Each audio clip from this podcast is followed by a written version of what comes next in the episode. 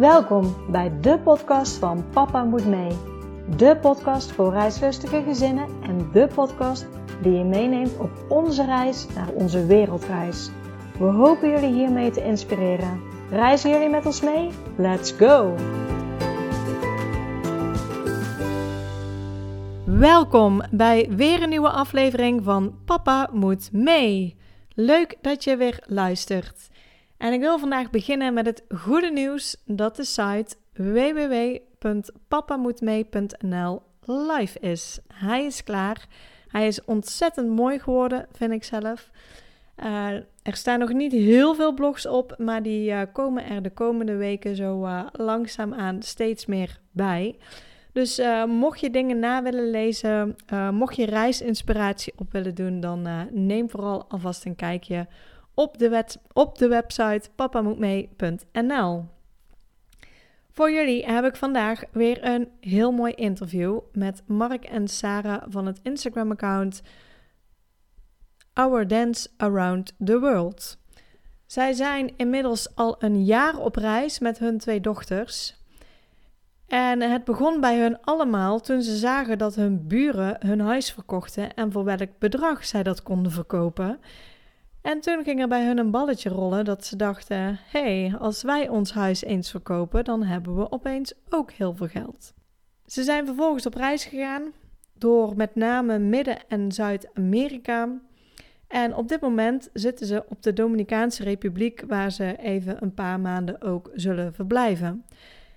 In het begin hoor je wat wind op de achtergrond, maar vervolgens uh, gaan ze verzitten, waardoor de wind afneemt of terwijl helemaal weg is. Dus uh, sorry voor de achtergrondgeluiden van de wind. Alleen heel even in het begin, maar als je verder luistert, is die weg. Dus voor de rest zou ik willen zeggen: heel veel luisterplezier.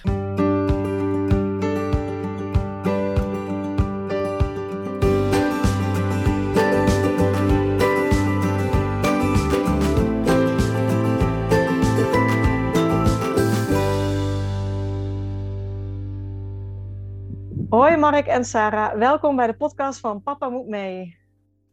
Hallo. Hey, Annemarie. Dankjewel uh, voor, uh, voor having us, dat wil ik bijna zeggen. En op de achtergrond horen onze kinderen al misschien, ik weet niet of je dat ook hoort, dus die, uh, die, die zijn soms onderdeel. Dus hou er rekening mee dat als, als je dat geluid te veel hoort, dan eh, moet, moet Sarah misschien even heen en weer lopen. Ja, want jullie zitten op dit moment in de Dominicaanse Republiek.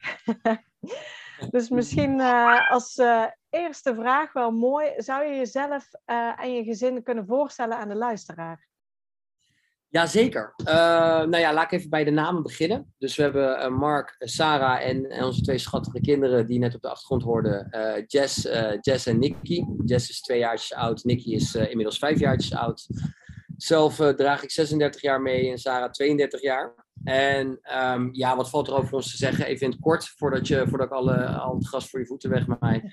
Uh, ik denk dat wij een uh, gezin zijn die van uitdagingen houden. Uh, die, die diep van binnen altijd wel een gedachte hadden van... hey, hoe is het bijvoorbeeld om in het buitenland te wonen? Of hoe is het om het buitenland te ontdekken? En, en eigenlijk mede door, door, de, door de coronacrisis is dat in een sneltreinvaart gekomen. En ehm, ja, zijn we, uiteindelijk, ehm, zijn we uiteindelijk in het diepe gesprongen. Ik denk dat dat voor het beste en het leukste is om nu te weten voor de rest, we zijn, uh, we zijn allemaal Nederlands, maar Sarah heeft een uh, Arubaanse moeder. En um, dat zit eigenlijk voor nu. Ja, want als je helemaal terug gaat naar het begin, waren jullie altijd al heel reislustig voordat de kinderen er waren? Um, nou, Sarah loopt af en toe heen en weer, uh, dat zie je zelf ook, maar ja. dus die zal ongetwijfeld uh, voor zichzelf antwoord kunnen geven. Want Sarah was meer reislustig, reislustig, reislustig dan dat ik was. Ik ben eigenlijk van kinds af aan niet zo opgevoed. Dus uh, wij gingen altijd naar de standaard plekken toe. In Zuid-Spanje, Frankrijk, Italië, Oostenrijk. En, en verder zijn we eigenlijk nooit geweest. mijn vader hield alleen maar van, van, van een soort van all-inclusive hotels. En mijn moeder die, die zocht eigenlijk altijd de vakanties uit zodat mijn vader tevreden was. En wij gingen met drie, drie kinderen gewoon mee. En voor hun was het vooral belangrijk als daar ook kinderen waren, want dan waren we hun minder tot last. Eigenlijk dat soort vakanties heb ik, uh, heb ik gekend. En uh, tot, tot, dat we, tot ik Sarah ontmoet heb, dat we samen naar Zuid-Afrika zijn gegaan. Dat was eigenlijk de eerste keer dat ik echt buiten mijn comfortzone ben gegaan. Ja, en de rest, dat zal je zo meteen wel horen. Dat is een andere achtbaan geweest van de afgelopen periode. Ja, ja en voor mij is ook tijd, tijdens mijn jeugd niet echt feest reizen en zo. Wel veel naar Aruba geweest, omdat ik daar familie had. Naar Frankrijk gegaan, omdat we daar familie hadden. Dat soort dingen. Maar um, toen ik um, op een gegeven moment klaar was met middelbare school, toen twee maanden weesreis in Azië. Dus ik wist wel, um, nou ook wat Mark eerder zei, dat ik ooit misschien een keertje in het buitenland wilde wonen. Gewoon, uh, ik heb, ben in Den Haag geboren en getogen. Dus verder nooit ergens anders gewoond ook. Dus ga, ik wil ooit nog wel ergens anders wonen en dan wil ik het liefst in het buitenland wonen. Dus wel altijd die drang gehad, maar verder niet heel veel gereisd, behalve een aantal keer in Azië geweest. En veranderde er iets bij jullie in jullie reisgedrag toen er kinderen kwamen? Nee, eigenlijk niet. Nee, nou laat, laat ik zo zeggen. Dus voordat we onze kinderen hadden, zijn we, uh, zijn we echt lekker door Zuid-Afrika wezen reizen. Dat was toen, uh, toen je zwanger was van Nicky, dus van de eerste. En, en daarvoor hebben we, zijn we wel vaker op reis geweest. Hè? Um, en daarna is het er wel een klein beetje bij ingeschoten. Ja. Dus toen ze, toen ze kwamen, toen zijn we wel um, voor mijn gevoel iets minder avontuurlijk gaan doen. Toen zijn we bijvoorbeeld naar Aruba gegaan, drie weken um, of twee weken. Daar nog een keer naar Kaapverdië of iets dergelijks. Uh, maar weinig echt spannende zaken. Um, maar aan onze mindset was niets veranderd. Weet je, in onze mindset, ik denk dat je daar uh, naar refereert. Geloven wij dat nog steeds alles mogelijk is, net zoals het mogelijk um, uh, was zonder kinderen. En ik denk dat we dat nu inmiddels ook echt bewezen hebben in de praktijk. Ja. Dat daadwerkelijk alles mogelijk is. Uh, quote unquote. Uh, in zekere zin tot wat echt niet mogelijk is met, kinderen. Maar dat, um, um, dus, ik denk dat dat het belangrijkste conclusie voor het antwoord is. Dus in, in de mindset hebben we ons vooral, uh, zijn we ons blijven opstellen als, als Ja, alles kan. alles is mogelijk. een jonge geest houden en gewoon vooral doen. En niet te veel twijfelen.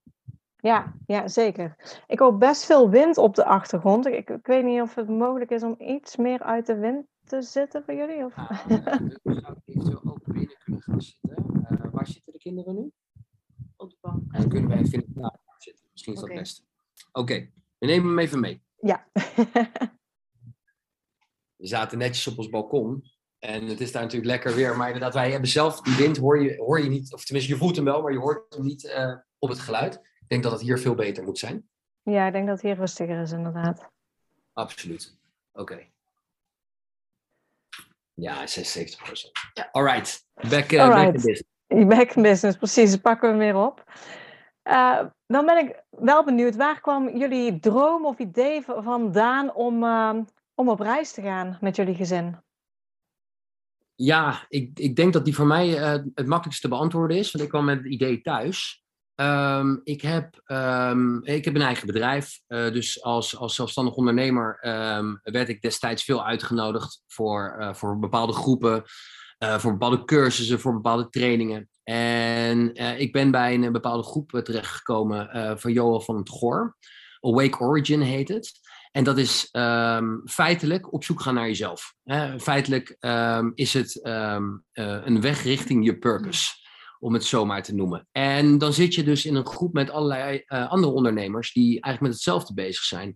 En het is echt wel een beweging die steeds meer erachter komt dat het, uh, weet je, geld is absoluut heel belangrijk. En ik denk dat we allemaal ook geld heel leuk vinden, om daar heel veel van te hebben. Maar dat je tegelijkertijd um, ook erachter moet komen wat je graag heel erg leuk vindt om te doen. En waar je ja, min of meer voor gemaakt bent.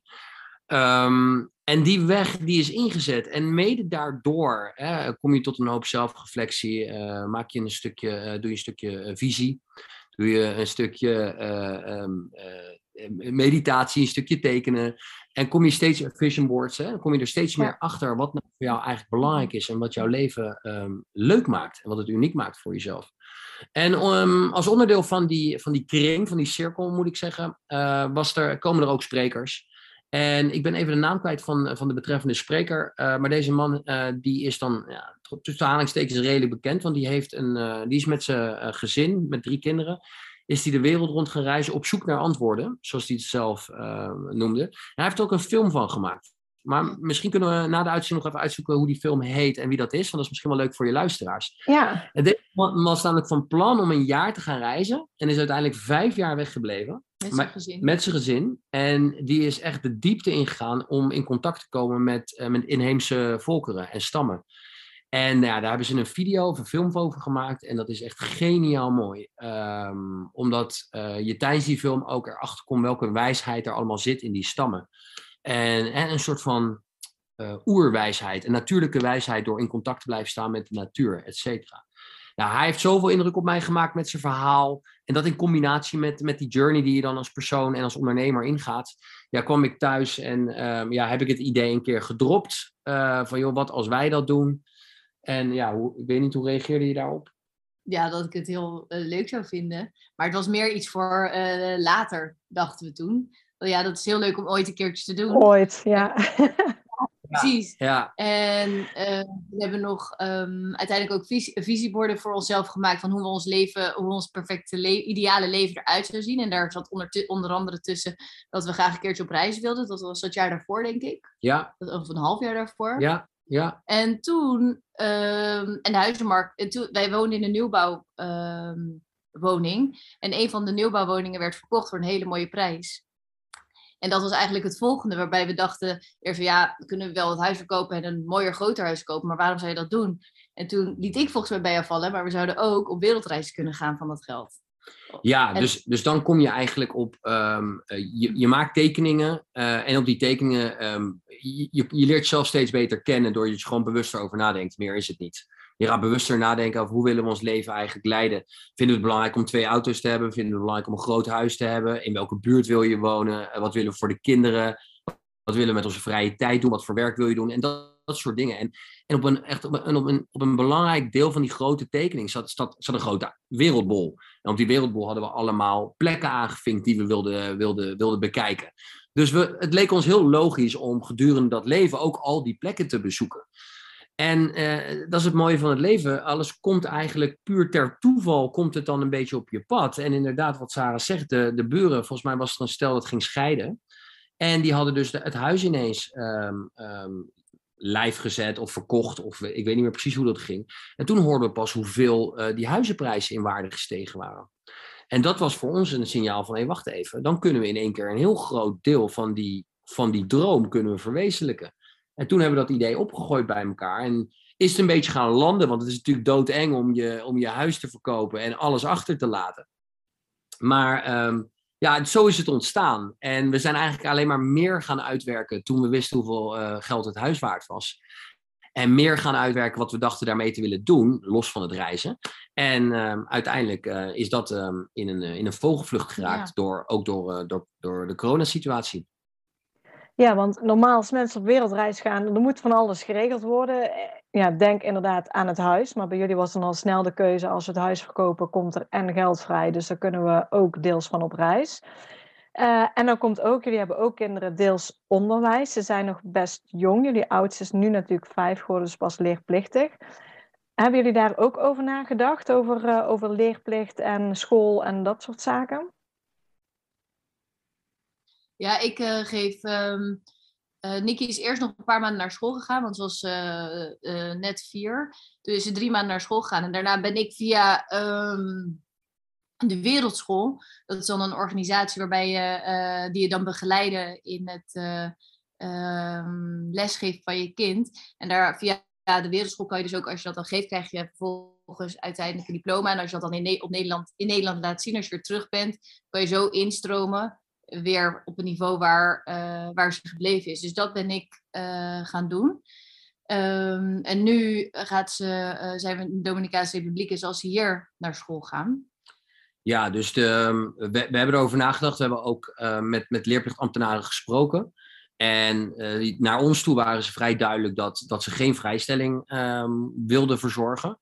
We hebben via sommige stellen hebben gezorgd dat het wel kon. Maar eh, ze waren echt heel duidelijk. Nee, eh, de wet uit 1967 schrijft voor dat dat niet mogelijk is. Ze, ze moesten er zelf bijna om lachen, omdat het inderdaad een wet betreft uit 1967. Ja. En nou ja, toen reisden er nog niet zoveel ehm, ouderen de wereld rond, uh, of course. Dus, dus wat dat betreft is dit wel aan, aan aanpassing nodig. Maar um, daar kregen we dus in die zin wel, wel een uitdaging. Maar we dachten, weet je, Nicky is op dit moment nog vier. Ehm, ze ging wel al naar school, maar ja, je bent natuurlijk pas leerplichtig vanaf vijf. Ja. Dus we gaan gewoon door. Uh, Saar geeft uh, homeschooling aan, aan Nikki al op vierjarige leeftijd, zodat we in ieder geval kunnen aantonen dat we er alles aan doen om haar op een um, ja, quote-unquote goed niveau um, weten te houden. Om vervolgens dan weer opnieuw de discussie aan te gaan op het moment dat ze, dat ze vijf is. Nou, die discussie heeft nog niet echt plaatsgevonden, want omdat wij um, op papier zijn we natuurlijk uit Den Haag verhuisd. we zijn nog wel ingeschreven als Nederlander. Dus dat betekent dat uh, Nicky nu in een andere regio staat ingeschreven als, als woonachtig. En daar, zijn nog niet, daar is nog geen vervolgtelefoontje opgekomen van de leerplichtambtenaar daar. De gesprekken waren met de leerplichtambtenaar uit Den Haag. Ja. Uh, dus dat is één. En inmiddels is dat opgelost. Want per um, januari zitten wij in, op de Dominicaanse Republiek. En gaan wij hier tijdelijk wonen. En gaat Nicky hier ook naar, naar school vanaf aanstaande dinsdag. Dus wat dat betreft hebben we dat probleem, uh, heeft zichzelf een klein beetje opgelost. Ja, ja, ja dus, precies. Ja, want, want ja. inderdaad, nou ja, vanaf vijf krijg je te maken met de leerplicht. Uh, nou ja, vier uh, kan je nog. Jullie, nou ja, heel veel mensen schrijven zich uit eigenlijk vanwege de reden leerplicht. Maar nu ze net vijf is, schrijven jullie haar weer in in een andere school. En eigenlijk als je dat bewijs kan laten zien dat ze op, naar een andere school gaat, is dat ook voldoende. Waarschijnlijk is dat voldoende. Was destijds het gesprek met, uh, met, met, in de, met de leerplichtambtenaar van Den Haag. Die gaf aan op het moment dat jij bewijs hebt dat, dat ze echt naar school gaat. Ja. En die school, uh, die kan dat, je kan dat aantonen en je, we zien ook haar ontwikkeling. Dan is, dat, uh, dan is dat in principe geen probleem. Dus dat probleem heeft zich voor nu um, ja, vanzelf opgelost. Want als wij nu, want we reizen natuurlijk al ruim een jaar. Als we dat door hadden gezet voor deze komende periode, hadden we best wat vragen kunnen krijgen, ja. uiteraard. Hè, op het moment dat het lampje aangaat uh, op de desbetreffende regio van hé, hey, Nicky gaat niet naar school. Ja, dan heb je natuurlijk een uitdaging. Dus ja. uh, wat dat betreft, dat, uh, het was ook min of meer wel een bewuste keuze om even een, een, een, korte pauze in te lassen. Om Nicky in ieder geval even naar school te laten gaan. Ook omdat ze er behoefte aan heeft om weer met, met, met, met, met leeftijdsgenootjes om te gaan. Maar ook met deze reden in het, in het achterhoofd. Ja, en jullie hebben ook de wereldschool benaderd. Ik hoor daar altijd over dat het vrij prijzig is en dat je ook heel veel materiaal krijgt. Dus als mensen echt willen reizen, dat ze heel veel kilo's aan bagage hebben. Hoe hebben jullie de wereldschool ervaren? Um, ja, dat materiaal dat heb je niet per se nodig. Dus wij, uh, uiteindelijk heb ik er pas ingeschreven toen we al weg waren. En uh, je krijgt dingen toegestuurd. En dat kan je gebruiken, alleen dat is niet nodig. Dus je kan het prima met, uh, zonder al dat materiaal doen. Sowieso heb je een uh, versie online, helemaal digitaal, of een versie wat ook wat meer, minder digitaal is. Dat ze, het, dat ze wel meer begeleiding krijgen van de lerares, maar dat ze ook veel meer spullen krijgen. Nou, we hebben echt de online versie gekregen, waardoor we minder spullen kregen. Ehm, kostbaar was het wel, ja. Ja. Ja. Ja. ja, we moesten er wel gewoon voor betalen. Ja, ja het was wel een, een ja, een aardig bedrag. euro voor een jaar. Ja, maar we merken nu dus ook dat het, uh, hè, om naar hier op school te gooien, is een privé, dat is, ja. dat is nog kostbaarder. Hè? Dus wat we nu moeten betalen, is nog een stuk duurder. Um, dus het hangt een beetje af. Ik denk dat het belangrijk is om een beetje prijs-kwaliteit te gaan vergelijken. Um, en in mogelijkheden blijven denken. Want je kan daardoor wel je kind op niveau halen, houden. Maar het zou inderdaad wel prettiger zijn als het goedkoper zou kunnen, uiteraard. Ja, we gaan nu, uh, het idee is wel dat, want Nicky krijgt nu Spaans op school, dus gaat Spaans leren. Um, en het idee is wel om dan nu met een andere, uh, met iemand anders, waar ik nog naar op zoek ben, toch een beetje Nederlands ook op peil te houden. Ja, de Nederlandse taal wordt hier dus, natuurlijk niet, uh, nee. komt hier niet op school, nee. dus het is Spaans, een beetje Engels. Dus, dus dat is leuk, maar het is voor ons ook belangrijk als we ooit uh, terug willen keren in Nederland, dat, uh, dat Nicky ook op een goed niveau Nederlands kan, kan schrijven en spreken. Ik maak me niet zo zorgen om spreken, omdat we zelf ook pri prima ABN spreken. Maar um, het schrijven en het begrijpelijk lezen is natuurlijk wel heel belangrijk, ook voor de eigen ontwikkeling. Dus, dus dat hopen we op te pakken met, ja. een, met nog een extra lerares of iemand die dat bijvoorbeeld um, ja, aanbiedt. En, en ja. er lopen nu wat gesprekjes. Ja, mooi. Ja, dan hebben we het inderdaad over, over onderwijs gehad, over het huis. Um, hoe zit het verzekering technisch? Ik weet dat het normaal speelt als je echt uitschrijft uit Nederland. Jullie zijn nog ingeschreven. Uh, hebben, hebben jullie nog iets aan je verzekeringen gedaan? Of was dat ja. niet nodig? Ja, en uiteindelijk ook wel blij dat we het gedaan hebben. Hè? Want onze, eh, Ja. onze volledige bagage is, eh, is kwijtgeraakt eh, in, eh, in, eh, in, tijdens onze reis in de Dominicaanse Republiek. Ehm, dus wij hebben een aanvullende verzekering. En, en eh, een van de betere verzekeringen van de Joho, eh, Joho verzekering hebben wij eh, genomen. Ik weet niet hoe wij daarop terecht zijn gekomen. Weet jij dat nog? Ja, ook via een podcast. Via een Ben podcast. ik eh, daarop gekomen. Ja, dus een reispodcast beluisterd, Joho, en toen hebben we contact met hem opgezocht. Eh, het is ook niet, zo, ook niet zo heel goedkoop, moet ik zeggen. Maar nogmaals, uiteindelijk wel blij dat we dat hebben afgenomen. Want je, kijk, je weet natuurlijk niet waar je instapt. En, en we, we gingen reizen door Midden-Amerika, eh, maar ook Noord-Amerika, maar ook Zuid-Amerika. En ja, dan kom je natuurlijk op plekken die je, waar je nog nooit eerder bent geweest. Je weet niet hoe veilig en goed georganiseerd al die reizen zijn met bussen en, en met, dat, eh, met, met de boten en weet ik wat allemaal. Eh, dus, eh, dus toen hebben we het genomen en inderdaad achteraf gezien wel echt heel blij dat we het genomen hebben, want we zijn letterlijk alles kwijtgeraakt. Echt als in alles. Dus, en dat is netjes uitbetaald eh, door de verzekering. Ja, Dus, eh, dus Joho, aanvullende verzekering, als ik me goed herinner. ja als je en, cijfers- en een basis-basisverzekering in Nederland eh Die loopt ook nog. aangehouden. Ja, ja, dus we hebben allemaal nog een basisverzekering in Nederland en een aanvullende JO-verzekering. Die Ja. aanvullend is, eh, was bij elkaar 2000 euro voor vier Ja. personen. ja. Ja, dus voor Saar, mij en de kids was het bij elkaar eh, iets meer dan 2000 Ja, euro. en als je echt helemaal uitschrijft in Nederland, dan kan je een, een eh, Yoho Plus verzekering nemen. Dus dat is dan een nog uitgebreidere verzekering. Dus daar hebben ze twee eh, verschillende vormen in. Ja, ja, dus als je niet ingeschreven was, eh, bent in Nederland en dus niet de, verplicht bent om een Nederlandse verzekering te hebben, moest je dus nog een, eh, nog een aanvullende, CQ duurdere variant Ja. nemen. Ja, ja precies. Dat was Want, eh, want dat kan Joho in ieder geval ook doen als je niet ingeschreven bent. Ja. Precies. Eh, nou ja, j- jullie hadden het idee, eh, verzekeringen geregeld, eh, het huis ging in de verkoop, school was geregeld. Wanneer zijn, zijn jullie echt gegaan en hoeveel tijd heeft daar nou eigenlijk tussen gezeten met het idee en dat jullie echt vertrokken?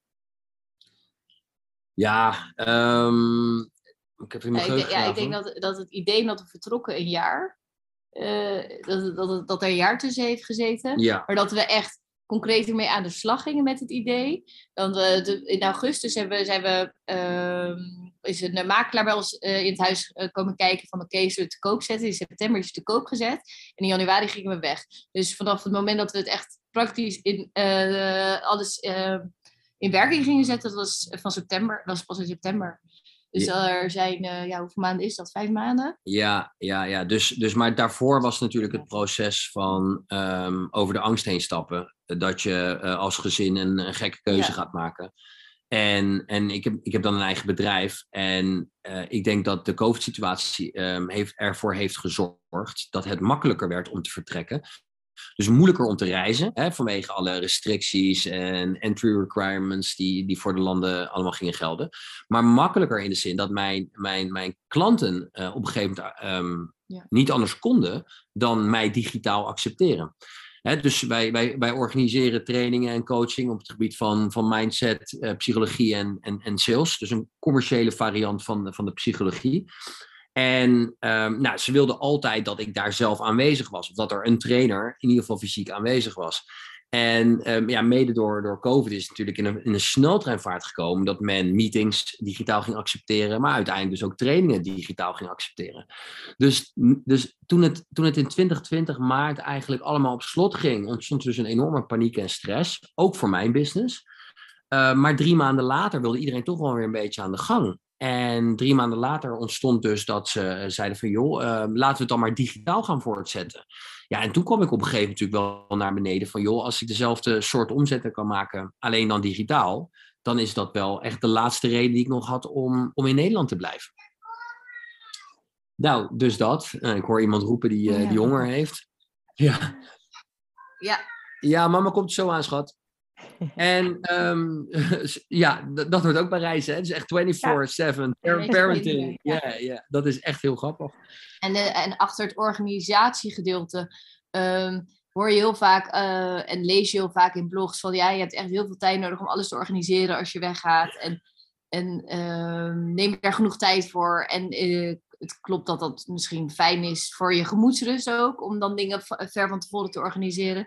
Maar uiteindelijk hebben wij het eigenlijk in een hele korte tijd georganiseerd. Wij zijn wat makkelijk in het organiseren van dingen. Van, het komt wel goed, zeg maar. Ja, go die, flow. die instellingen hebben we heel erg. Want het komt allemaal wel goed.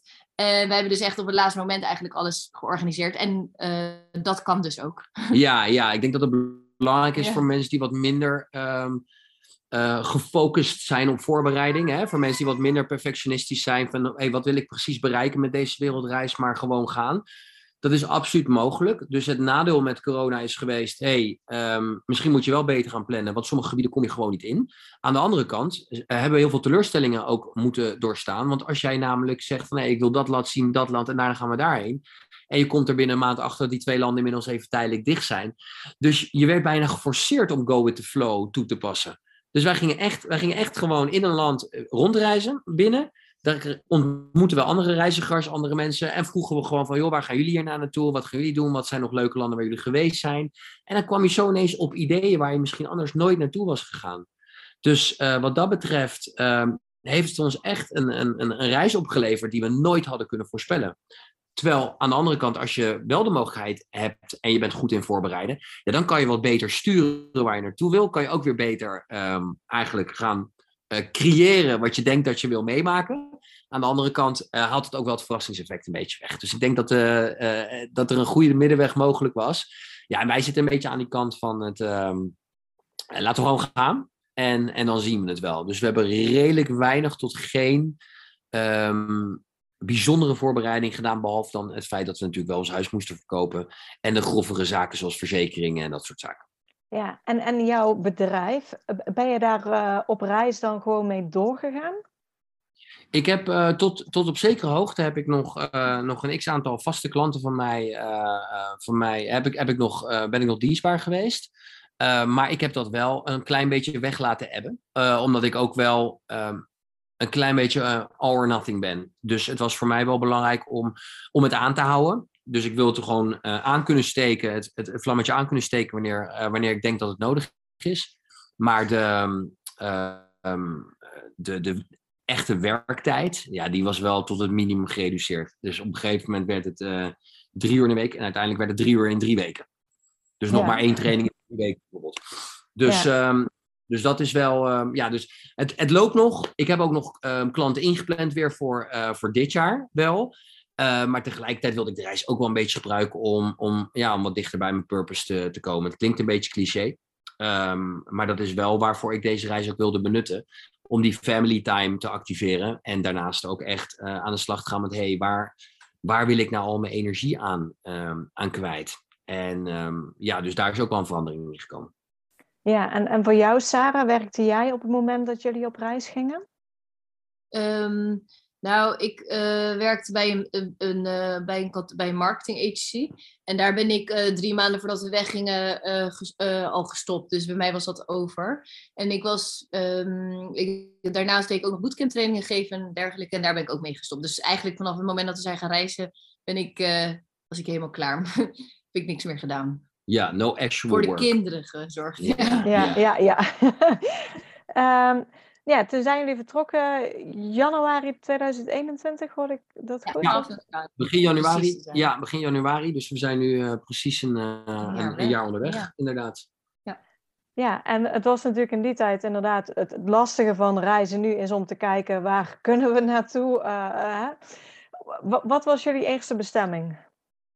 We, nou, we wilden heel graag uh, als eerst naar Azië gaan. Maar uiteindelijk hebben we dat dus om moeten gooien, want dat lukte niet door uh, corona. Dus zijn we naar Mexico gegaan. Uh, maar juist ook doordat je. Het is ook wel leuk om te kijken van waar kan je naartoe. Want daardoor ga je naar dingen waar je in eerste instantie niet aan had gedacht. Dus wij, wij, vond, wij vinden het eigenlijk wel leuk dat we op die manier moesten reizen. En daardoor was uiteindelijk op dat moment nog wel veel mogelijk. Ja, dus wij zijn vanuit, vanuit Mexico. En uh, daar hebben we dan in eerste instantie even de, ik noem het zelf even de makkelijkere kant gekozen door in de Yucatan-regio uh, ja, ja. te zoeken. Ja. En het was hartstikke leuk, zeker voor, voor het begin. Uh, het is natuurlijk ook wel wat, zeker sommige plekken zijn vrij toeristisch, dus dat is uh, wat makkelijker dan als je naar de minder toeristische plekken gaat. Ja, en toen zijn we via, we volgen natuurlijk ook wat accounts op Instagram. En toen zagen we dat Costa Rica nog heel makkelijk te doen was. Dus toen zijn we naar Costa Rica gegaan. En dat was ook wel echt een super toffe ervaring. Ja. Dus na Mexico zijn we eigenlijk naar, Costa Rica gegaan. Ja. En toen is het eh, balletje gaan rollen. En, en eh, Mexico en Costa Rica, hoe lang blijven jullie me- meestal in een land? Dat verschilt misschien ook, maar eh, Ja, Ja, zo meestal vier, tussen de vier en zes vier weken. en zes weken. Ja. Ja, Vier, vier, tot zes, vier tot zes weken. Want ehm, we reizen natuurlijk met twee kin- kindjes. En wat we al gelijk merkten, eh Jess was anderhalf.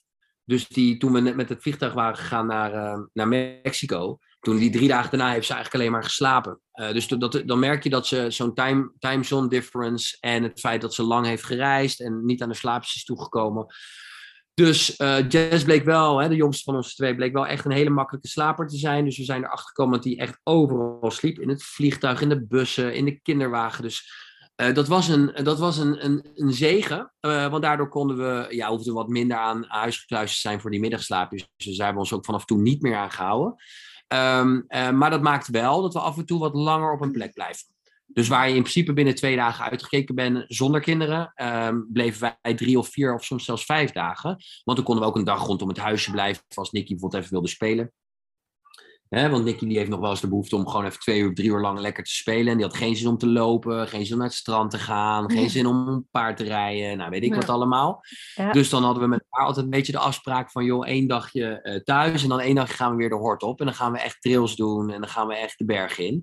En eh, ja, zodoende, Ja. denk ik. Maar als het land eh, leuker aanvoelde qua, qua energy en vibe, dan bleven we wel echt gewoon zes of zeven weken. Ja. Dus dan wilden we ook gewoon langer blijven. Niet alleen Ja. voor de kinderen, maar ook voor de energie. Ja, en eh, dat hebben we dus eigenlijk ook bij de hele reis niks. We plannen bijna niks.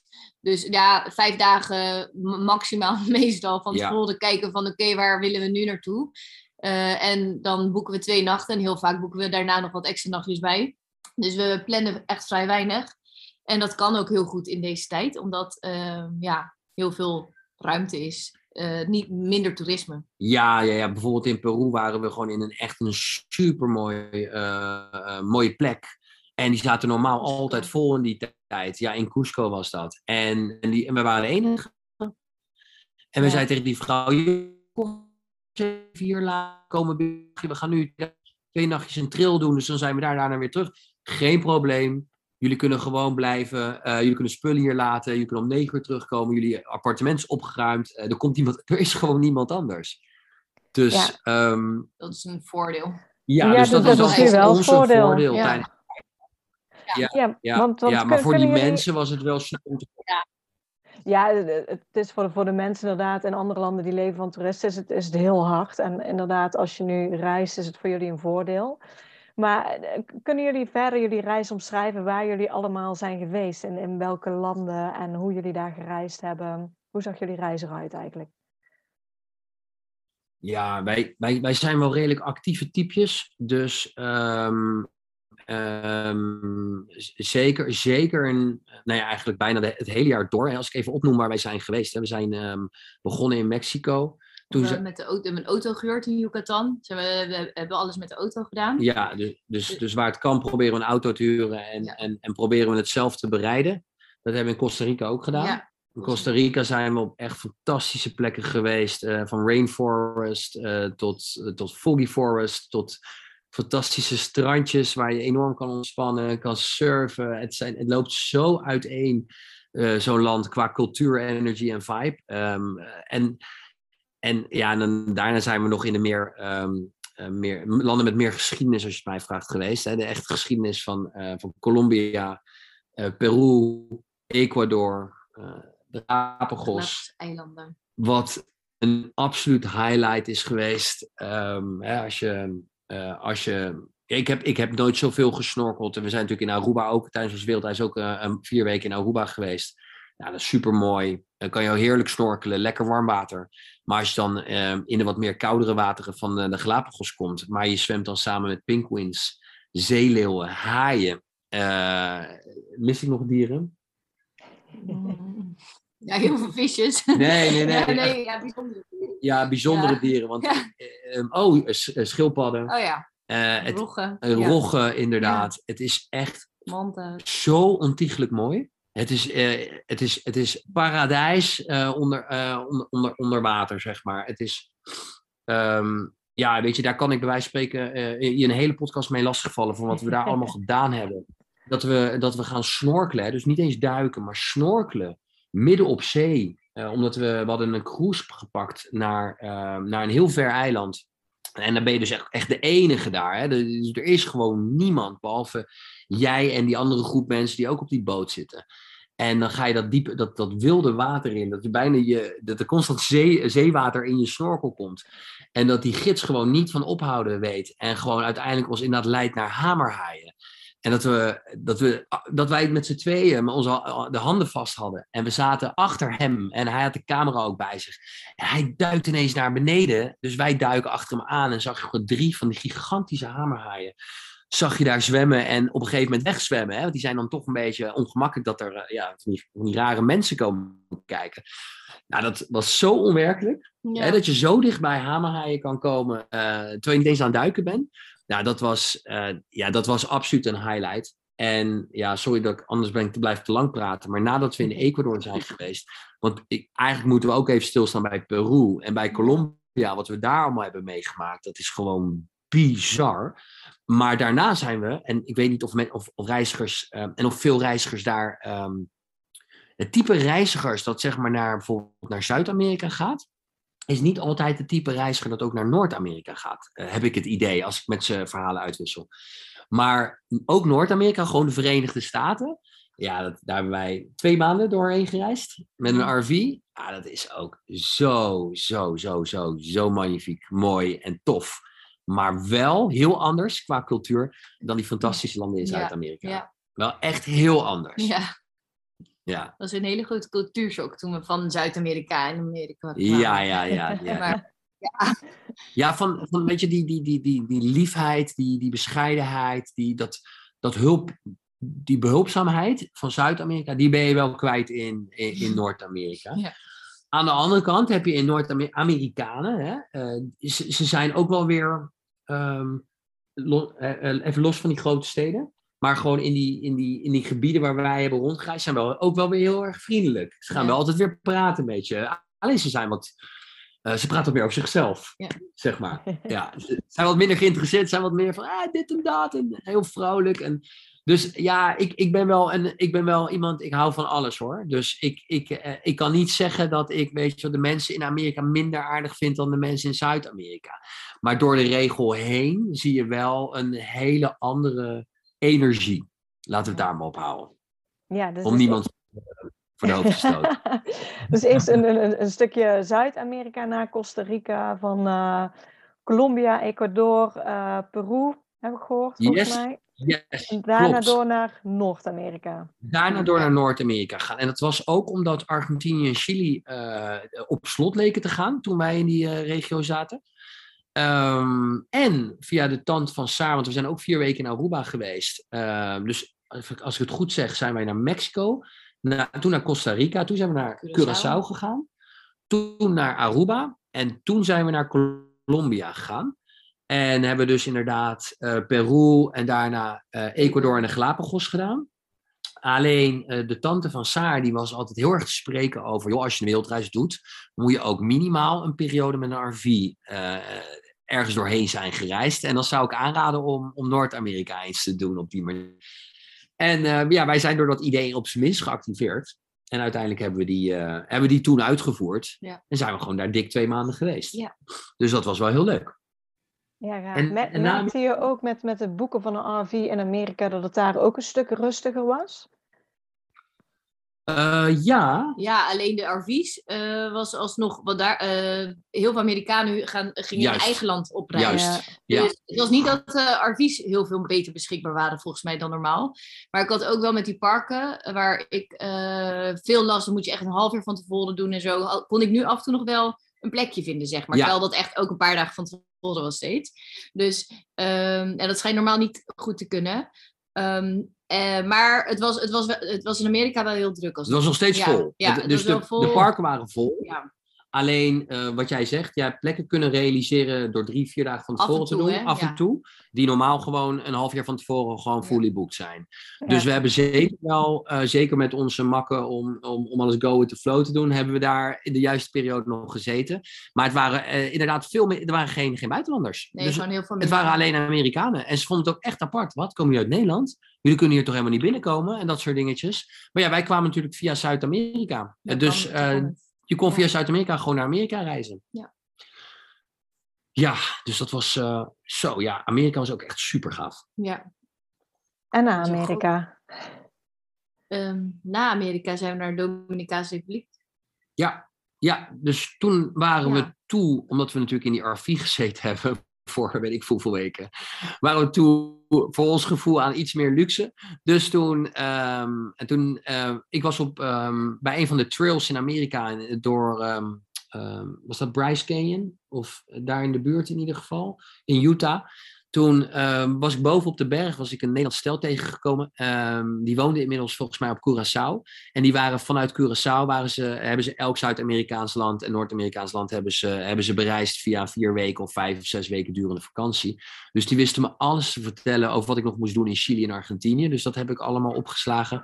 Maar ze zeiden ook, ehm, Mark, eh, vergis je niet in de Dominicaanse Republiek. Blijf weg van dat Punta Cana en, en Punta Cana en alle toeristische gedeelten. Maar ehm, dat is zo'n mooi land.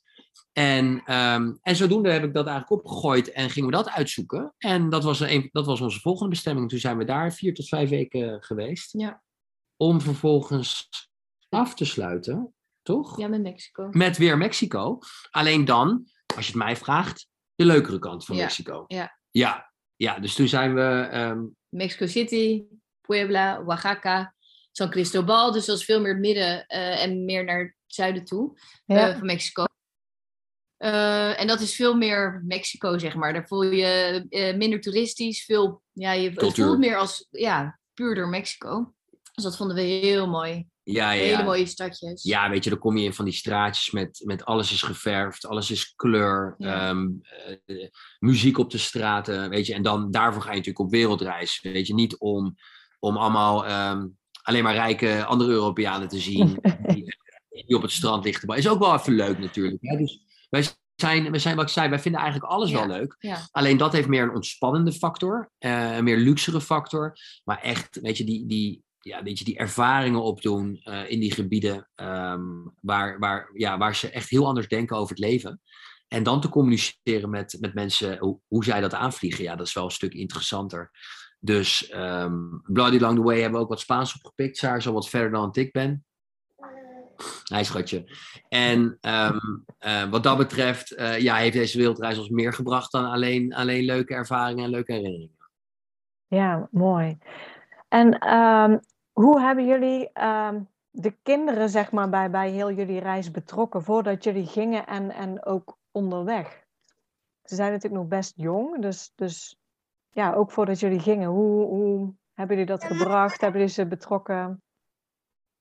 Ja, we hebben eigenlijk gewoon heel vaak verteld van, joh, we gaan op reis. eh, we gaan eh, al mooie landen zien. Alleen voor hun, ehm, ja, het komt niet binnen. Eh, ehm, eh, Nicky was toen vier, maar ook dat, ja, het is prima, zeg maar. Weet je, het, het, het, het, is geen het is geen shock.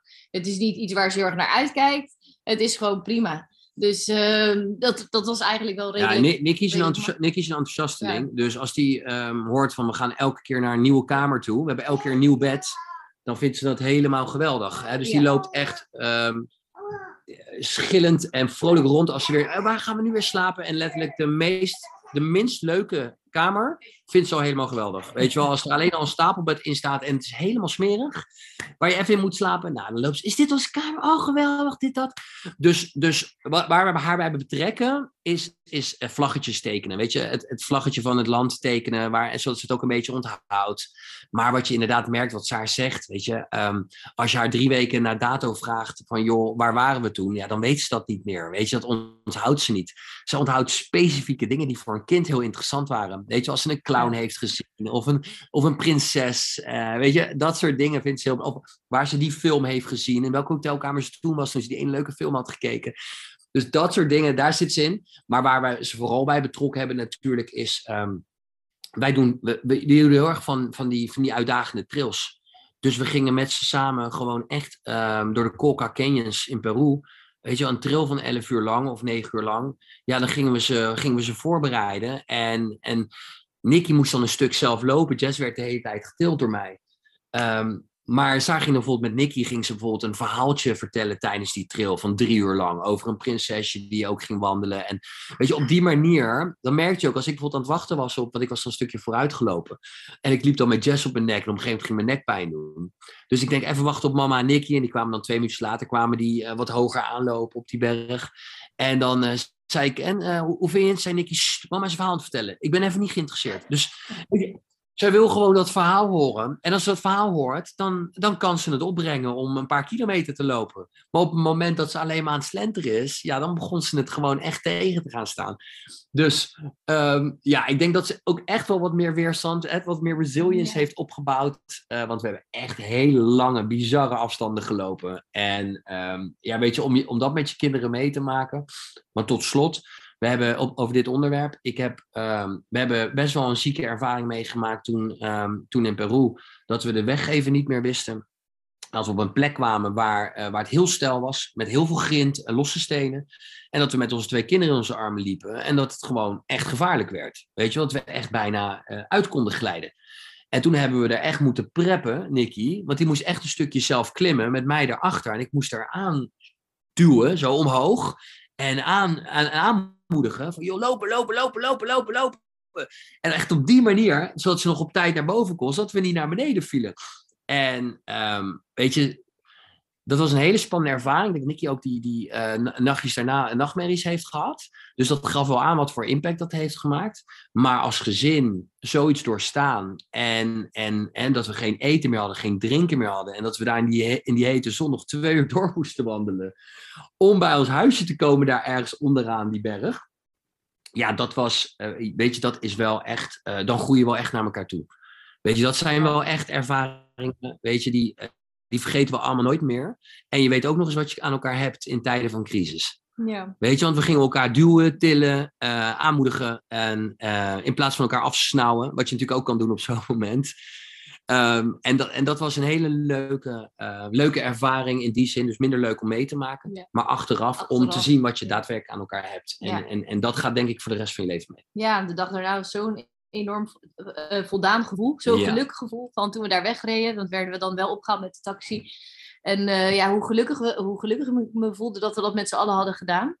Dat is heel bijzonder. Ja, Ja. Je, je is zo kapot. Weet je wel? Je benen kunnen niets meer. En, en je kan eigenlijk niet meer praten, maar je zat allemaal met een smile op je gezicht. En dat is even anders dan dat je even met z'n tweeën eh, of met z'n vieren op, een- op een strand hebt gelegen en een mooie schildpad hebt gezien. Weet Ja. je, dat is ook echt super tof en praat je ook over. Maar ehm, iets doorstaan met z'n allen, dat is, ehm, eh, wat ik zeg, dat, is, dat, was, dat zijn wel echt de cadeautjes die we hebben gekregen tijdens deze wereldreis. Ja, en, en als je het over accommodaties hebt onderweg, jullie boeken niet veel vo- vooraf. Hoe, eh, hoe regelen jullie zeg maar eh, eh, voor over een paar dagen je accommodatie? Ja, eh, zoals je merkt, Saar moet af en toe naar de kids lopen. Die komen af en toe even hier Ja. heen en weer lopen. Ik wil dit, ik wil dat. Maar zij, in alle eerlijkheid moet ik bekennen dat zij over het algemeen alles regelt.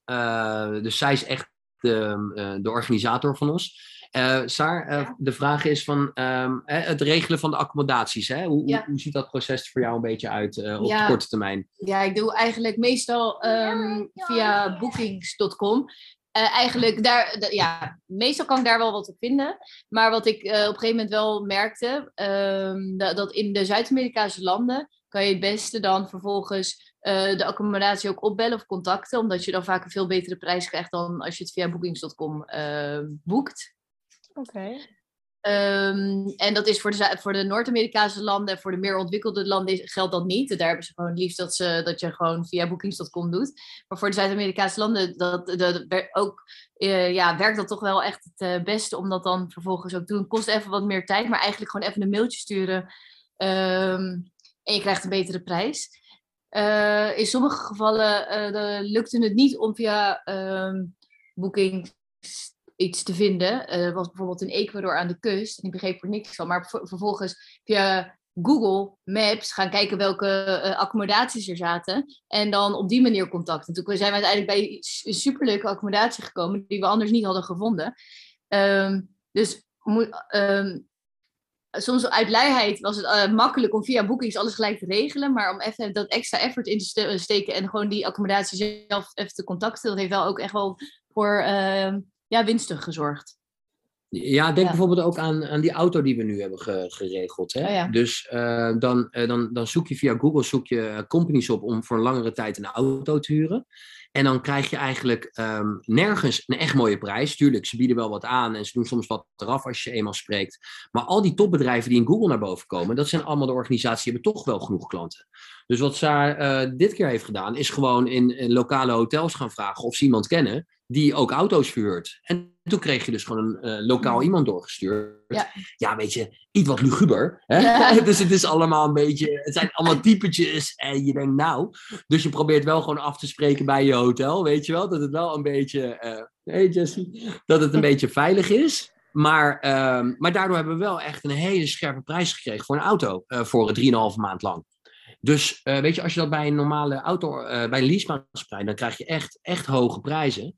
En nu hebben we dat denk ik voor, uh, denk ik voor 40 of 50 procent van die prijs kunnen doen. Dus dat is wel heel fijn. Ja. Dus goed geregeld zijn. Ja, ja. nou ja en dan, dan hebben we het over prijzen. Jullie zijn nou een jaar op reis. Wat, wat kost nou zo'n zo'n wereldreis? Oh jee. Um, of houden jullie überhaupt een budget bij? Laten, laten we daarmee beginnen. Nou, ja, we, wat we wel doen, is we, we hebben meerdere rekeningen. En we hebben dus het, dus, dus dat zou je budgetten kunnen noemen. En we hebben uh, ons, wat we aan de reis wilden uitgeven, maximaal op één rekening gezet. Um, maar we hadden niet zoiets van, um, we willen minimaal dat ervoor gedaan hebben. We hadden ook, weet je, als het op is, is het op. Dat, dat, dat idee hadden we een beetje. En... Jullie hadden ook niet in de planning van, we gaan een jaar, maar jullie hadden meer iets, we gaan en we zien wel. Of, nou, als ik eerlijk ben, ik had wel uitgerekend, um, wat konden we op een dag ongeveer uitgeven. Dus, voor anderhalf jaar, twee tot twee jaar. Ja, dus, dus, dus volgens mij um, had ik het bedrag gepakt en had ik gebreekt als we ongeveer 200 euro per dag uitgeven, dan kunnen we zo lang um, kunnen we weg. Volgens mij één jaar en wat was het? Vier, vijf maanden ja. of zo. Nou, iets in die trant. En, en, dan, en dan ga je dus een beetje 200 aanhouden als, als maximale uitgave. En dat gaat soms hartstikke goed. Hè? Want soms hadden we bijvoorbeeld een, een, een goede verblijfplaats met onze kids voor 40 euro per nacht. Nou ja, dan kan je dus nog 160 euro die dag uitgeven aan, aan excursies, trails of eten en drinken.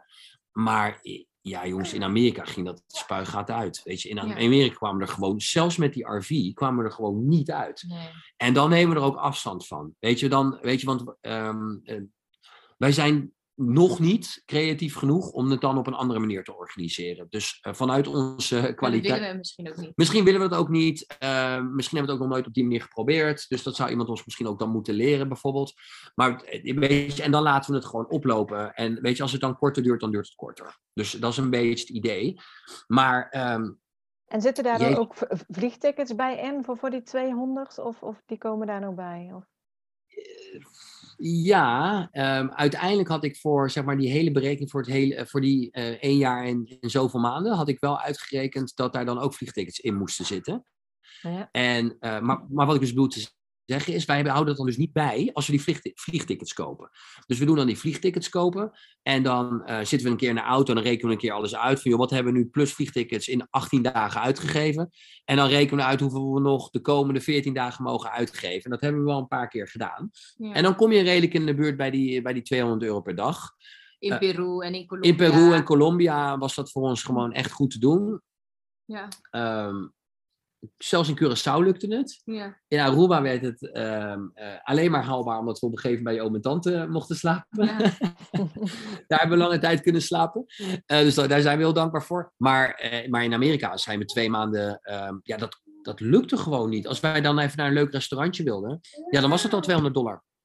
Ja. Weet je, um, uh, zeker met, met, met de inflatie van het afgelopen ja, jaar. Precies. Het is, ja, uh, de supermarkten daar waren in, um, in, op sommige plekken waren appels kosten ineens 5 dollar, uh, 6 dollar voor, um, voor Philadelphia ja. om op je brood te smeren. Maar dat heeft met die inflatie te maken. Ja, er was wel wat aan de hand in Amerika. Dus dat hebben we meegemaakt. Um, dus dat zou ik zeggen. En als je mij vraagt, wat is het totaalbedrag geweest? ehm, dan denk ik dat we, een jaar. ja, op 70, 80.000 of zo Ja. zeker wel. Ja.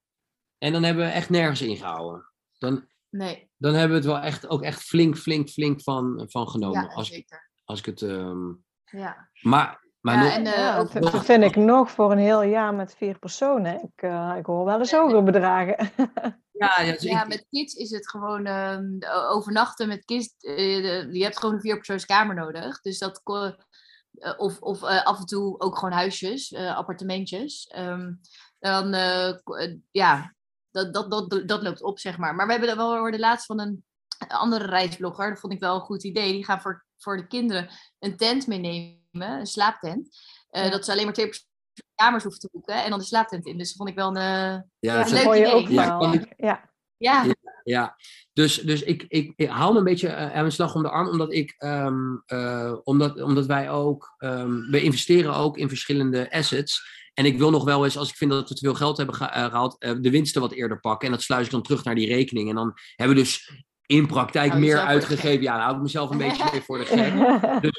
Dus, dus het zit ergens rondom die, eh, om die bedragen. En, ehm, en wat ik zei, we hebben nergens ingehouden. Dus ik denk dat vooral de gebieden in, in, in Zuid-Amerika en waar, waar, waar de munteenheid van het desbetreffende land gewoon heel zwak was. Ja, daar kom je met de euro gewoon heel sterk binnen. En kan je gewoon prima, ehm, prima quote-unquote luxe reizen. eh, met, met, met een beperkt budget. Dus dat is wel heel fijn. En dat maakt het ook wel extra leuk. Want op een gegeven moment was de lol in Amerika er vanaf. Puur omdat je gewoon ja. veel te veel geld aan alleen al boodschappen kwijt bent. Weet je? Kijk, je, je doet gewoon een oogje dicht, want je hebt daar, je denkt, nou, we geven ongeveer dit uit en ik vind het goed. Maar het is natuurlijk ehm, ja, toch wel leuker als, ehm, als je dat geld uit kan geven aan andere dingen dan alleen eten. Ja. Ja. Hoe, eh, hoe zit het qua bagage? Hoe, eh, hoeveel nemen jullie mee? Ik weet natuurlijk, jullie bagage is kwijtgeraakt en, en toen werd het helemaal minimaal. Toen zag ik dat jullie zelfs met vier personen één backpack nog maar reisden. Ja, ja, ja. Ja, we, ja, we zaten met z'n allen in één koffer op een gegeven moment. Maar we hadden allebei een backpack. We hadden allebei een backpack inderdaad. Ehm, en daar zat, en dat was dus ook niet echt veel hoor. Eh, eh, voor de kinderen hadden dan twee rugtasjes en daar moest dan al het speelgoed in passen. Voor de kids. En in de backpack eh, hebben we eigenlijk alleen maar kleertjes. Ehm, en nu hebben we één grote koffer, maar we hebben nu wel echt heel weinig kleren. Maar dat, eh, ja, eigenlijk gaat dat ook wel. Je leert daardoor gewoon eh, wel weer wat creatiever ermee te zijn. Ja, kijk, op het moment dat het mooi weer is en je zit op een eiland Ja. en je hoeft alleen maar slippers, zwembroek ja. of af en toe een kort broekje aan, dan maak je natuurlijk nergens zorgen om. Als je Eh, in Peru bent. ben je in Peru waar we toen waren en het is op die berg is het gewoon hartstikke koud, dan heb je Ja. natuurlijk gewoon goede kleren nodig. Ehm, dus ja, we, eh, we hadden gewoon, ik denk dat het, eh, dat zoals we op pad gingen, dat dat goed was. Dus voor Ja. ons spullen gestolen zijn. Ik had een hele grote backpack, Saar een, een, een, een gemiddelde backpack. En we hadden allebei nog een rugtas voor ons hangen. Ja. Dus een rugtas met onze eh, laptop, weet je wat, papier, dat soort dingetjes erin, telefoons en dat soort zaken. En de kids hadden inderdaad een kleine rugtas. Ja. En daar past alles in. Op, een, op een goede dag. Ja, want, want, want zijn daar nog spullen dat je zegt, nou dat was super makkelijk dat we dat bij ons hadden? Ja, er zijn echt wel wat dingetjes geweest waar je niet aan denkt. Maar dat je als je ze toch bij je hebt, dat je dan ehm, echt wel happy bent. Ehm, bijvoorbeeld van die spulletjes, ehm, eh, van, die, van die goede scherpe nagelschaartjes. Eh, want ik had op een gegeven moment een vrat en die wilde ik zelf wegknippen. Dus, maar dan heb je wel goede, goede spullen nodig, want anders doet het nog veel meer pijn dan het al doet. Ja, dus, als je dingetjes oploopt, ehm, Ja, eh, scherpe mes. bijvoorbeeld eh, eh, extreme keelpijn. Dat je de juiste ehm, ehm, aspirines of de juiste keelsnoepjes hebt. Dat zijn echt wel dingen, daar denk je niet aan als je gezond bent. Maar op het moment dat je het nodig hebt, dan helpt het je de nacht door. Dus daar moet ik aan denken. Een scherp mes. Scherp mes voor uiteindelijk qua eten ben ik ook achtergekomen gaandeweg dat het heel handig is om altijd gewoon groente en, en fruit eh, bij je te hebben. Want soms dan kom je na een lange reis thuis en je hebt dan niks. Hebben de kinderen de hele dag op toastjes geleefd tijdens de reis. En dan gewoon altijd de groente en fruit bij je hebben. En dat dus te Die je kunnen rauw kan eten. Die je rauw kan eten en dat dus te kunnen snijden in de hotelkamer. Dus scherpe mes. Scherp mes is altijd handig. Ja. en die packing cubes. Dat vond ik toch echt wel, eh, dat, eh, dat is heel handig. Top Die packing uitvinding. cubes, die ken je denk ik om je kleren goed bij Ja. elkaar te houden. Top uitvinding. Ehm, en, en even denken, oh, weet je wat ook heel handig is? Die eh, toilettassen die je op kan hangen. Oh ja. Dus die toilettas, die, als je hem open doet, dat je gelijk dat die omhoog gaat en dat je hem op Ja. kan hangen, zeg. Eh, want, want je komt echt op plekken eh, ja, waar, waar de badkamers niet heel goed of heel mooi zijn ingericht. En dan, ja, dan moet die ergens hangen, dat spul. Ehm, ja, dat. Ja. Ja, en ik kan, ik kan nog aan momenten denken. Elektriciteitsdingetje natuurlijk, maar dat is logisch. Ja, zo'n eh, zo'n Ja. adapter voor de elektriciteit uit. Must have, must have. Eh, luiers voor als je een kind hebt die nog niet eh, zinnelijk is. must haves. Doekjes, Ja. billendoekjes. Ehm, spul om je handen mee schoon te maken, omdat die kinderen in het vliegtuig natuurlijk overal aan zitten. En daarna moeten ze met de handen eten, dus dat je ze een beetje kan ontsmetten. Eh, ja, wij denken vooral in die hoeken, toch? Ja.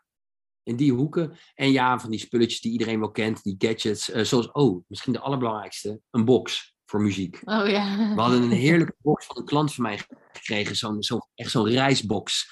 Maar met echt supergoed geluid. En eh, dat, die is uiteindelijk, weet je, dat is dan iets van, nou, we nemen hem wel mee, weet je. Het is altijd prettig om een muziekje te hebben. Maar ehm, die sleep je af en toe zelfs doorheen. Ja. Weet je, dat je gewoon goede muziek bij je hebt. Ja. Dus dat is, eh, ja, dat soort dingetjes. Nou, ik denk eh, hele goede tips eh, komen hier voorbij. Hoe is het? We hebben het al een stukje gehad. Door corona is natuurlijk eh, minder toeristen, ehm, eh, rustiger zeg maar op plekken. Hebben jullie daar nog meer van gemerkt van, van corona of, of last van gehad onder het reizen? Nou, we moeten soms veel organiseren op, voordat je gaat vliegen. Dus daar kwam eh, af en toe wel, wel wat meer spanning bij kijken dan normaal gesproken. Dus, joh, moet je nou wel een PCR-test doen of niet? Weet je, dat, is, eh, dat, dat, dat we dat, dat duidelijk moesten krijgen. Vervolgens heel veel formulieren invullen voordat je gaat vliegen. Dus dat was een last. Ehm, we, zijn, we zijn in landen geweest waarbij het juist eh, veel vrijer was in Nederland. Zoals in, in Mexico of in Costa Rica. Waarbij je dus eh, tijdens lockdowns in Nederland dat je gewoon het idee hebt van wij kunnen vrij leven, we zijn heel vrij. Maar we zijn ook, denk ik, we hebben laatst eh, toch ook geconcludeerd, bijvoorbeeld in de Colombia geweest, wat eh, op dat moment denk ik toch minder leuk was dan normaal gesproken, omdat er gewoon niet zoveel op straat gebeurde qua dansen, muziek. Eh, ik denk dat dat nu overigens wel weer wat beter is. Maar in de periode dat wij gingen, of in Peru, was op dat moment dat wij in Peru aankwamen, was het een van de zwaarst getroffen landen. Dus je moest echt twee mondkapjes en een shield op bijvoorbeeld als je een busrit rit ging maken. Ehm, ja, en dat, dat, dat voel je dan wel eh, aan de sfeer. Maar ik moet wel zeggen dat Peru en Colombia dan de enige waren waarbij we echt eh, denken dat het eh, de, de sfeer een beetje heeft gelukt. Ja, En verder heeft het juist in deze tijden meer tot een vrijheidsgevoel geleid. Van we zijn gewoon lekker aan het reizen. En helemaal als je niet in de grote steden bent, maar juist meer in de dorpjes, dan merk je heel weinig van corona. En, eh, ja, dat is hem. ja. Dat, dat is hem, denk ik. Dus alle grote steden waren heel erg eh, bezig met, met het hele COVID-verhaal. En daar waren, werd ook streng gecontroleerd op eh, of, of je inderdaad wel een mondkapje op had, zelfs buiten in deze landen.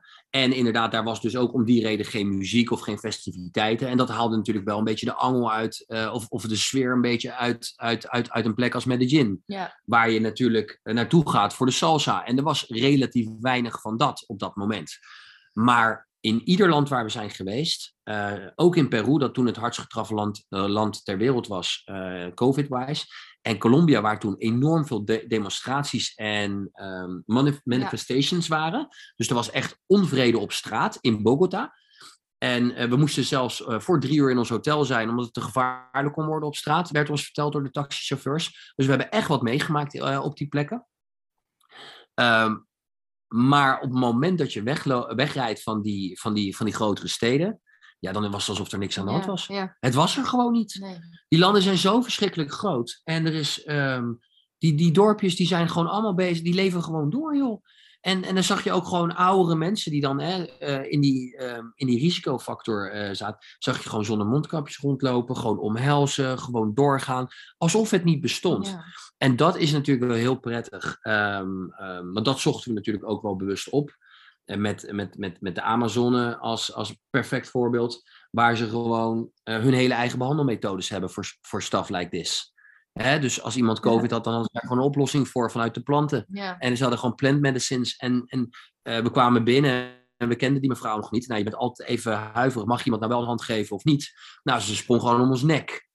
Het was gewoon gelijk een knuffel, weet je wel. Het was echt een knuffel. Oh, welkom en we gaan dit doen en we gaan dat doen. En we gingen, werden rondgeleid door die, door, door, door de forest. En, ehm, en ze lieten ons de rivier zien en weet ik wat allemaal. Weet je, en, en dan denk je, dan kijk je elkaar ook aan van hoe kan het verschil zo groot zijn? Ja. In een land, hè? dus niet ineens tussen Europa en bijvoorbeeld Ecuador of whatever. Maar echt tussen de hoofdstad Quito en de Amazon. In Quito loopt iedereen met mondkap op, ehm, po- politie en het leger op straat en houdt alles eh, nou, nou let het in de gaten. En dan in de Amazon gebeurt helemaal niets. Helemaal niets. Iedereen zit hutje mutje naast elkaar en een broodje te eten, muziekje staat aan. eh, ja, ze zitten te hoesten in elkaars gezicht. Het is echt compleet tegenovergestelde. En ehm, ja, zodoende. Dus ja, je merkt veel van, ehm, je- dat valt je natuurlijk op eh, Ja. met die coronasituatie. En wat je ook opvalt is, wat Saar zegt, is eh, die avond voordat je gaat reizen raak je ineens in paniek. Omdat je ineens voor Costa Rica een verzekering moet afsluiten bij hun. Om het land binnen te komen voor als je ooit COVID krijgt. Terwijl je gewoon goed verzekerd bent, bijvoorbeeld. Eh, Ja. hè, dat soort dingen. En, en bij een ander land moest je weer een ander formulier invullen. En, en, nou, en zo heeft iedereen zijn eigen, zijn eigen tactiekjes om, om het een beetje onder controle te krijgen. Maar ook dat went. Weet Ja. je? Op een gegeven moment waren we ook daar heel zeker van onze zaken. Deze formulieren hebben we, deze verzekeringen hebben we. We komen gewoon binnen. En uiteindelijk eind goed al goed. Ja, Toch? Ja. Ik ben in ieder geval heel blij dat we in deze periode Ja, gegaan zijn. ik ook. Ja. Ja, en- vrijheid. Nu zitten jullie natuurlijk op de Dominicaanse Republiek, waar jullie eh, even voor een paar maanden ook, ook willen, willen blijven. En, en dan weten jullie al ehm, wat jullie daarna willen. Willen jullie hier blijven? Willen jullie verder reizen? Of, eh, of misschien plannen Ja, jullie niet zo ver vooruit? idee is wel om verder te gaan. Ja, dus, dus nu kunnen we wel verder vooruit kijken, omdat we dus ehm, een paar maanden hier gaan settelen en, en, en werken. Dus de bedoeling is ook, ook om, die, om die rekening weer een beetje te vullen. En ja, wij willen graag naar Afrika toe. Eh, dus ehm, eh, natuurlijk, Azië staat nog steeds ook heel erg hoog op ons lijstje. Maar omdat, ehm, omdat het daar nog wat moeizamer is qua het ontvangen van, moeten we dat even in de gaten houden. Maar ja, we hebben ook eh, de Travelicious Family gevolgd natuurlijk. En die, met wie waren zij nou? Met de Bone Family? Dus die dat, twee Instagram-accounts Ja. eh, waar wij contact mee hebben. En zij, eh, ja, zij waren in Afrika en we hebben die beelden weer gezien. Wij zijn samen in Zuid-Afrika geweest. Wat echt een topervaring was, vier weken lang. Dus wij willen onze kinderen dat ook nog gaan meegeven. Weet je, dat, we hebben nu eigenlijk in al die landen hebben we het kleinere wild gezien. En, en, en nu is het misschien, en ook en onderzeewild en, en alles daaromheen. En nu is het misschien tijd om even terug te gaan naar de leeuwen, de puma's en, en de giraffen en de nijlpaarden en, en de neushoorns. En eh, dus, dus wij willen graag naar, wat was het? Eh, Tanzania. Ja, En, en die andere is ehm, Kenia. Kenia. Dus die twee sowieso. Zuid-Afrika hebben we al gedaan. Dus daar komt waarschijnlijk nog een derde land bij. En, dus de bedoeling is wel eigenlijk om na vier, vijf maanden dat weer op te pakken. En dan daar op zijn minst nog drie maanden doorheen te gaan reizen. En daarna zien we wel verder. Ja. Ja. Heerlijk vooruitzicht. Waar, Ja, toch? eh, ja, waar kunnen de luisteraars jullie eh, vinden als, eh, als ze jullie verdere reisavonturen willen volgen? Ja, vooral op Instagram op Our Dance Around the World.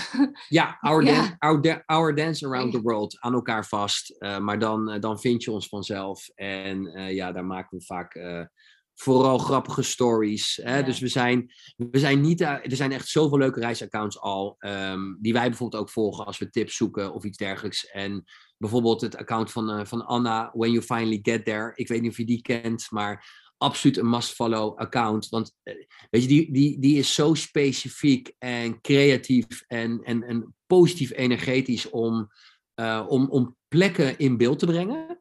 En weet je, als ik daar naar kijk, dan kan ik alleen maar jaloers zijn op hoe iemand dat doet. En, en, en ons ding is meer, ehm, wij laten gewoon zien hoe grappig het is om met twee kleine Ja. kinderen door al die straten heen te banjeren, weet je wel? Eh, dat, dat is wat wij doen. Dus als je een beetje wil lachen en je wil een beetje ehm, eh, zien op wat voor plekken wij allemaal doen en wat we dan doen met die kids, wat gewoon hartstikke leuk is, denk ik, dan, dan zijn wij denk ik het juiste account te volgen. Maar er zijn ook nog een heel hoop leuke accounts waar je echt, echt de juiste tips van krijgt, weet je wel. De- eh, dus tot aan waar moet je koffie drinken en, en wat voor prijzen kan je daarvoor voor betalen. Ja. Wat ook heel veel interessante informatie is natuurlijk. Dus Our Dance Around the World, als je het leuk vindt. En eh, ja, we houden voor de rest nog geen blog bij of iets dergelijks, want ja, we doen het gewoon voor de leuk erbij. Helemaal goed. Nou, dan wil ik jullie ontzettend bedanken voor al je tijd, ook tijdens jullie reis. En eh, voor alle informatie die jullie hebben gedeeld. Ja, heel graag heel gedaan. graag gedaan, heel leuk, Leuk dat om je dit te doen. Ja, leuk om te doen en leuk hoe je het doet.